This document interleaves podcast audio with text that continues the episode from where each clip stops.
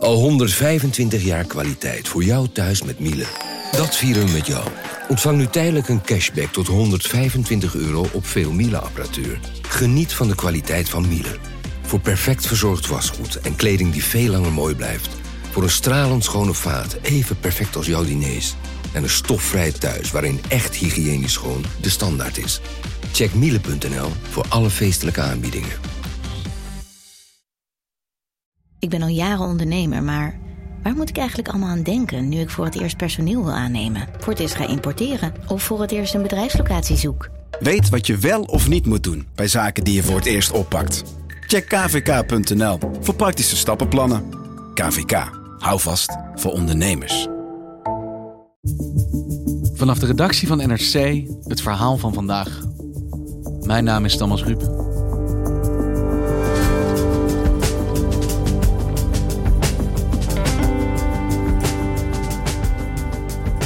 Lange dagen varkens uitbenen voor een minimumloon en dan thuiskomen in een vakantiechalet vol gaten. Het is de werkelijkheid van duizenden arbeidsmigranten uit vooral Polen, Roemenië en Bulgarije. Niemand die zich in Nederland om hen lijkt te bekommeren. Ze zijn onzichtbaar. Maar nu werpt de coronacrisis nieuw licht op hun situatie.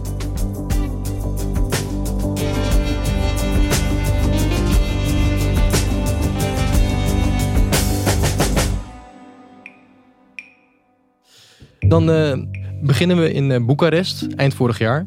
Daar wonen George en Gabriella, dat is een echtpaar. En zij hebben een kind, Anna Christina, en die wil graag gaan studeren. The story begins. Uh, Romania entered in a very, very uh, powerful crisis, economic crisis. Therefore, many people decided to leave Romania and to go to work in other countries because they cannot afford the daily living. Dus Gabriella die besloot op een gegeven moment te kijken op de website olx.ro. Mark Middel is correspondent Noord-Nederland en maakte dit verhaal samen met Bram Endendijk. Dat is een soort van marktplaats, net zoals we dat in Nederland kennen, waar je allemaal advertenties hebt staan en je spullen kan verkopen, maar ook vacatures kan aanbieden of verkopen. George die werkt als beveiliger en Gabriella als journalist geeft ze af en toe stukjes. En zij verdienen ongeveer 600 euro per maand. Dat is ongeveer ook het gemiddelde salaris wat je in Roemenië kan verdienen. En op die OLX.ro zagen ze een vacature staan voor werk in Nederland. Bij een vleesbedrijf. En daar hadden ze Engels sprekende mensen voor nodig. En er werd een hele mooie accommodatie beloofd. En ze hoeft alleen maar even te bellen naar een Roemeens contactpersoon.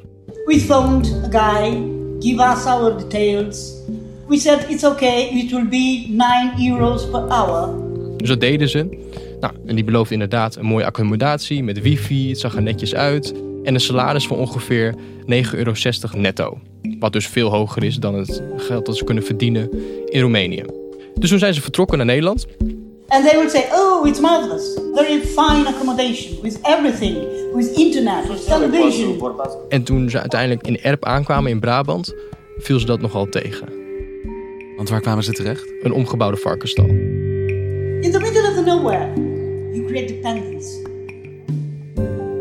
met meerdere arbeidsmigranten, waarbij de keuken, de douche, de wc, alles gedeeld wordt. En waarbij je dus heel weinig privacy hebt. En toen al een paar dagen later konden ze meteen gaan werken in de slachterij. Je moet inklokken om half zes, s ochtends. En je bent klaar wanneer het werk klaar is, zegt Gabriella. En soms is dat om vijf uur s'avonds, soms is dat om acht uur s'avonds. En elke dag is het hetzelfde. Dus heel veel arbeidsmigranten staan daar achter een lopende band, vlak naast elkaar. En ze maken dezelfde beweging keer op keer, minuut na minuut, uren achter elkaar. Dus de een die snijdt de varkensoren van het hoofd af, de ander de snuit, de ander weer de wangen. En dat zo gaat het duizenden stukken vlees per uur, duizenden per dag. En hoe ervaren ze die situatie waarin ze terechtgekomen zijn? Like hell. Ja? Like hell. There are minus 7, 8 maybe. Mm It's very, it's very cold in an abattoir. Very, very cold. You are freezing because you are stay. You have to conserve that meat, you know. So the meat. En wat je van heel veel arbeidsmigranten hoort, eh, is dat ze veel lichamelijke krachten krijgen door het repetitieve werk. Je staat de hele dag in de vrieskou. Of, nou, het is 7 graden, maar het is in ieder geval wel vrij koud. Het is niet het werk dat ze verwacht hadden. En eigenlijk zegt Gabriella, ja, wij voelen ons als moderne slaven. It's like the modern slavery, you know. En hoe zijn jullie bij dit Romeinse echtpaar in Nederland terechtgekomen? Mijn collega Bram Enderdijk, was al een tijdje bezig met Roemeense arbeidsmigranten. Hij zelf is correspondent in Brabant en hoorde al van de vleesindustrie dat daar allemaal misstanden waren. En ergens half mei werd bekend dat er allemaal arbeidsmigranten besmet waren geraakt met het coronavirus. Dat waren Roemenen die werkten in een vleesbedrijf. In Velpen in Gelderland is een groep arbeidsmigranten uit een wooncomplex in isolatie geplaatst omdat bij hen het coronavirus is vastgesteld. Het gaat om 28 arbeidsmigranten die hier wonen. Zijn voornamelijk Roemenen. Zij zijn afgezonderd op een schip in Arnhem. 23 andere migranten moeten 14 dagen in quarantaine blijven. En toen dacht ik, volgens mij speelt dit probleem op veel meer plekken. En wat goed mogelijk is, is dat het gebeurt op de woonlocaties, dat die heel besmettelijk zijn, omdat mensen daar nou, vaak met meer dan vier, vijf, zes en soms nog wel meer mensen samenwonen. En het voordeel is dat ik een, een beetje Pools spreek, want ik ben tweetalig opgevoed. En uh, nu ik de opnames terugluisterde, hoorde ik wel dat ik een klein accentje heb. De NRC, ja dużo pisze o Polaków, bo jak słyszysz, ja tam troszkę mówię po polsku. Pools met een zwaar Nederlands accent. Pools met een, met een flink accent, ja. Maar goed, ik red me daar een beetje in. Dat is me niet opgevallen. Uh, nee, gelukkig niet. En, en wat je heel erg merkt, is dat als je naartoe gaat, dat het, naar locaties waar arbeidsmigranten wonen, is het heel erg lastig om met arbeidsmigranten te praten. Als je in het Engels begint, dan zijn ze vaak heel erg afhoudend. En velen spreken ook gewoon slecht Engels, of niet. Maar als je ze in het Pools benadert, dan krijg je eigenlijk eerst dezelfde reactie. Want ze denken eerst dat je van het uitzendbureau bent. Dan denken ze dat je misschien een of andere controleur bent of een inspecteur. En uiteindelijk als je ze echt kan overtuigen dat je journalist bent... dan willen ze eindelijk wel met je praten. En dan eerst toch rustig, een beetje aftastend. Van nou, kan ik hem vertrouwen? Kan ik hem niet vertrouwen? Hij heeft toch wel een beetje een raar accentje. En uiteindelijk willen ze vaak heel graag vertellen wat er aan de hand is. Omdat ze ook wel doorhebben dat in de situatie waarin zij leven... dat dat niet heel normaal is. En dat Nederlanders onder andere woonomstandigheden uh, leven. Want wat is het wat jullie precies te weten wilden komen? Waarom zijn jullie dit onderzoek gaan doen? Sinds 2014 is het voor uh, Bulgaren en Roemenen mogelijk om in Nederland te werken zonder vergunning. En dat geldt voor Polen al sinds 2007. En wat je nu ziet volgens de officiële cijfers die het Rijk aanhoudt, is dat er ongeveer 400.000 arbeidsmigranten in Nederland werken. Maar de schattingen lopen ook nog dat het veel hoger is, want het probleem is, de mensen worden niet geregistreerd. Dus heel veel gemeenten, instanties, uh, overheden hebben geen idee hoeveel arbeidsmigranten er nou precies zijn in Nederland. Ook de ambassades niet. En in welke sectoren komen deze mensen te werken als ze hier in Nederland komen? In verschillende sectoren. Eigenlijk alleen de plekken waar je de mensen niet ziet. Dus in distributiecentra, in de land- en tuinbouw, in de industrie. En ook heel erg veel in slachthuizen. In de slachthuizen werken ongeveer 12.000 mensen in Nederland. En 80% ongeveer daarvan is uh, arbeidsmigrant. Wat je in Nederland heel veel ziet, is dat heel veel arbeidsmigranten wonen op vakantieparken die deels van het jaar of het hele jaar wordt een gedeelte van het vakantiepark wordt verhuurd. Daar wonen ze in chaletjes. Dus toen ben ik wat vakantieparken afgegaan, voornamelijk in Brabant. Eén daarvan was eh, de Droomgaard in Kaatsheuvel. U ziet het, het is altijd een gezellige bedoeling op vakantiepark Droomgaard. Ook de Zoom de Bij chalets zijn prima accommodaties om te genieten van een welverdiende vakantie.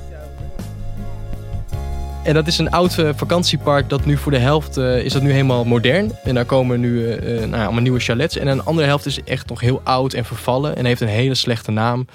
Van messenstekers, nou, veel ruzies, alcoholproblemen. Rigoureuze maatregelen in Kaatsheuvel. Iedereen op en rond het vakantiepark Droomgaard kan zonder aanleiding gefouilleerd worden door de politie. Volgens burgemeester Hanne van Aert is dat nodig voor de veiligheid. De politie treft er wapens aan, drugs, er zijn vechtpartijen. De politie is hier bijna elke dag en zeggen zij: het is hier nog geen vrijplaats. Nog niet. En in een van die chalets woonde een uh, Letse arbeidsmigrant die ik sprak samen met zijn Portugese collega Marcus. En nog een, uh, een, een Roemeen die niet met mij kon praten omdat hij geen enkele taal machtig was behalve het Roemeens. En ze woonden daar met z'n drieën en dat was wel sinds corona. Daarvoor woonden ze met z'n vieren in één chalet. En wat je zag was aan de buitenkant zaten allemaal gaten in de muur. En toen ik vroeg waarom heb je nou allemaal gaten in de muur, toen bleek dat het tijdens een storm was het fundament losgekomen van de rest van het chalet. En nu kon je dus je vuist tussen de fundering en, en de vloer, kon je je vuist tussen steken. En het dak, daar was hele gevel, was er helemaal vanaf gerot of vanaf gevallen, ik weet het niet. Maar goed, dat is echt een chalet waarvan je dacht van ja, dit is niet in een goede staat. Laat staan dat je hier nou ja, mensen kan laten wonen. En wat betalen ze daar dan voor? 104 euro per week per persoon. Dus dat is 416 euro per persoon per maand. Keer drie is dus ruim 1200 euro. En in de normale tijden wonen er vier of vijf mensen in één zo'n chalet. Dus dat nou, is 1600 tot 2000 euro voor een vervallen chalet. En dat wordt ingetrokken van hun salaris. En wie zijn het die dit regelen, deze locaties? In principe zijn het de uitzendbureaus die het regelen.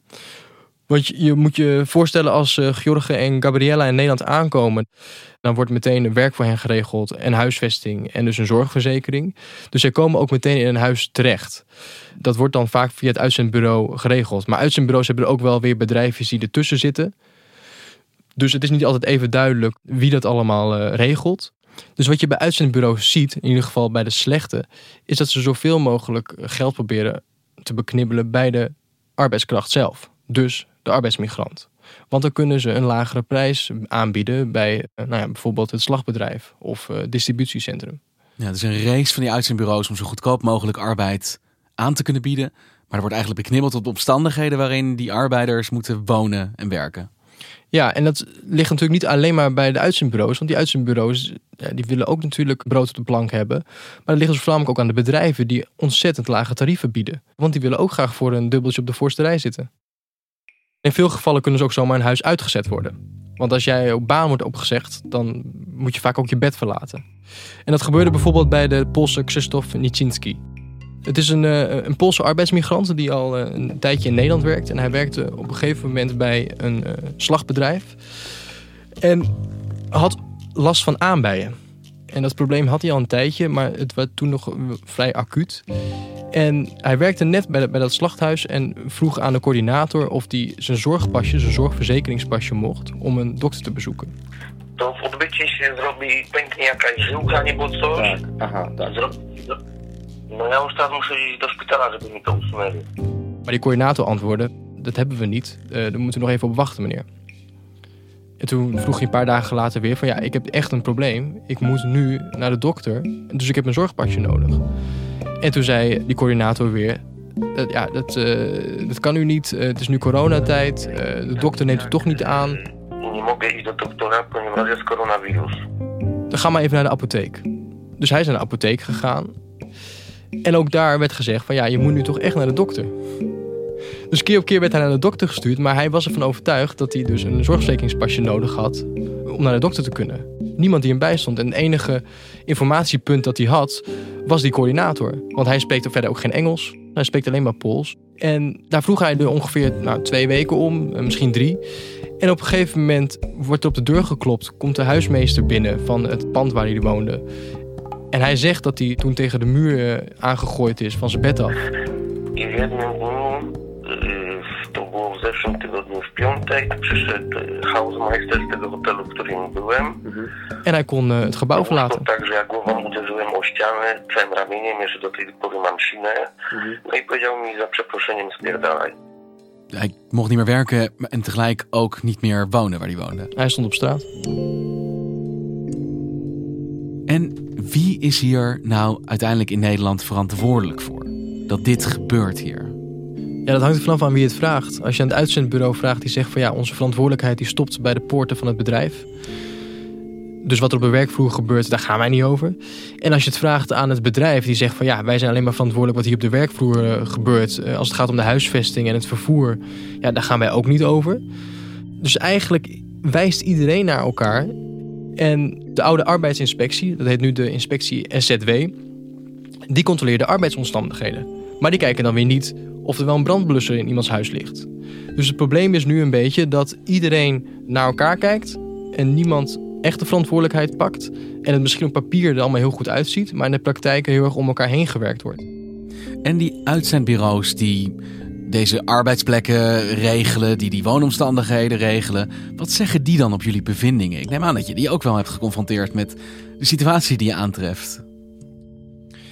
Wat je bij de uitzendbureaus merkt, en ook bij de arbeidsmigranten, is dat het vaak het, het, is het vaak het verhaal van de arbeidsmigrant tegenover het verhaal van het uitzendbureau. Dus het is ook voor ons als journalist vrij moeilijk om verhalen hard te maken. Om te weten wat er nou echt precies is gebeurd en wat de feiten zijn. Ja, dus je komt dan een situatie van zijn woord tegen het hunne. Ja. Maar bijvoorbeeld Kaatsheuvel, waar jij bent geweest. Ik bedoel, dat is niet een kwestie van uh, de een zegt dit, de ander zegt dat. Je ziet letterlijk de gaten in dat huisje zitten. Wat zegt zo'n uitzendbureau daar dan van? Die zeggen in eerste instantie, uh, het is het uitzendbureau Hobij, zegt in eerste instantie dat ze gecertificeerd zijn. Dus dat het eigenlijk niet mogelijk is. En toen achteraf, een paar dagen later, belde de directeur weer. En die zei van ja, ik heb het zelf gezien. En ik heb meteen het contract opgezegd uh, met het vakantiepark, uh, met die chalets. Want dit voldoet niet aan onze standaarden. Jullie hebben dit een aantal maanden onderzocht. En wat jullie naar boven halen is toch in veel gevallen zo ontzettend schrijnend. Dat ik me toch afvraag, waarom bestaan deze omstandigheden in Nederland nog? Waarom doet niemand hier dan iets aan? Nou, wat je nu merkt is dat arbeidsmigranten, de situatie van arbeidsmigranten nu onder een vergrootglas ligt. Omdat zij mogelijk een besmettingsgevaar zijn voor Nederlanders. En dat het mogelijk leidt tot schade van de economie. Want als slachthuizen dicht moeten, dan gaat de export ligt dan ook een tijdje stil. Goedenavond. Nog geen 24 uur nadat de minister om tafel zat met de vleesbedrijven, is er opnieuw een slachterij afgesloten. Ze zouden zich aan alle coronaregels houden, hadden de bedrijven nog zo beloofd. Maar bij de poort van het slachthuis van vleesverwerker Vion in Apeldoorn zag de politie vanochtend wat anders. Medewerkers opeengepakt in busjes op weg naar het bedrijf. Vanmorgen om 5 uur controleerde de politie 24 busjes. Die waren op weg naar drie slachterijen in Apeldoorn. Bij 17 van die busjes was het mis. En die busjes gingen allemaal naar Vion. Naar maar er is wel iets van beweging. Dus na de eerste besmettingshaard eh, onder Roemenen in eh, Velp, toen heeft het kabinet gezegd van we moeten beginnen met een aanjaagteam.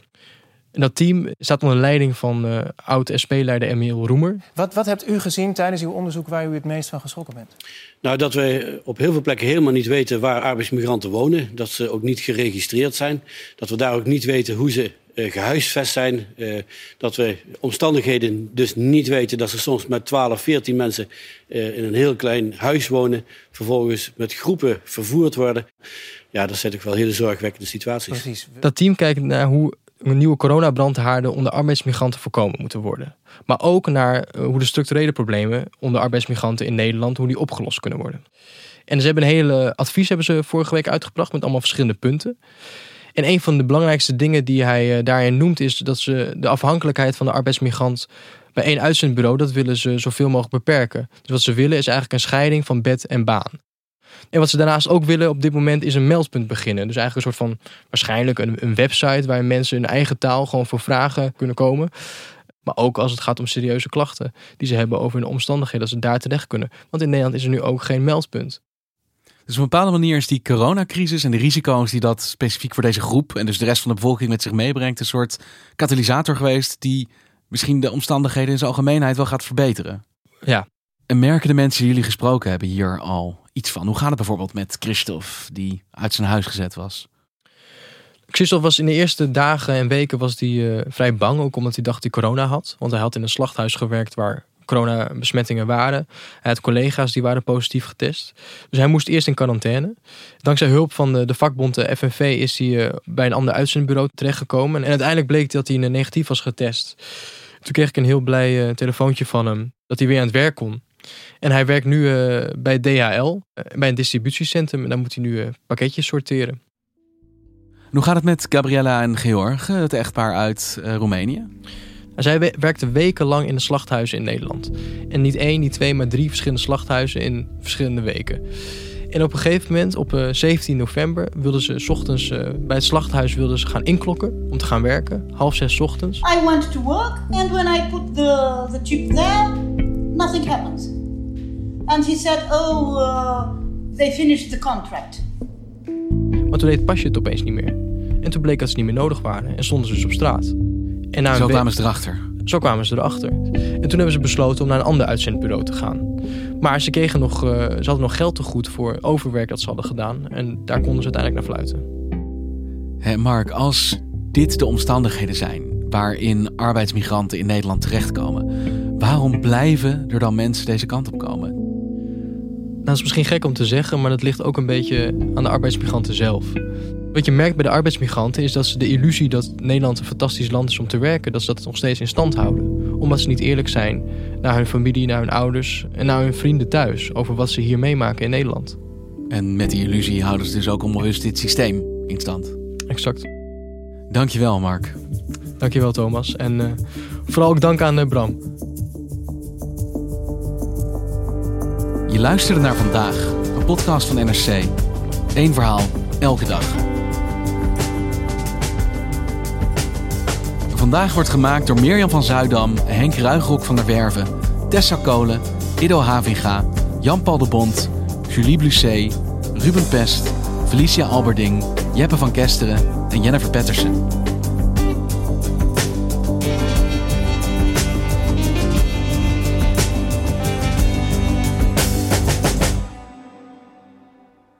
Technologie lijkt tegenwoordig het antwoord op iedere uitdaging. Bij PwC zien we dit anders.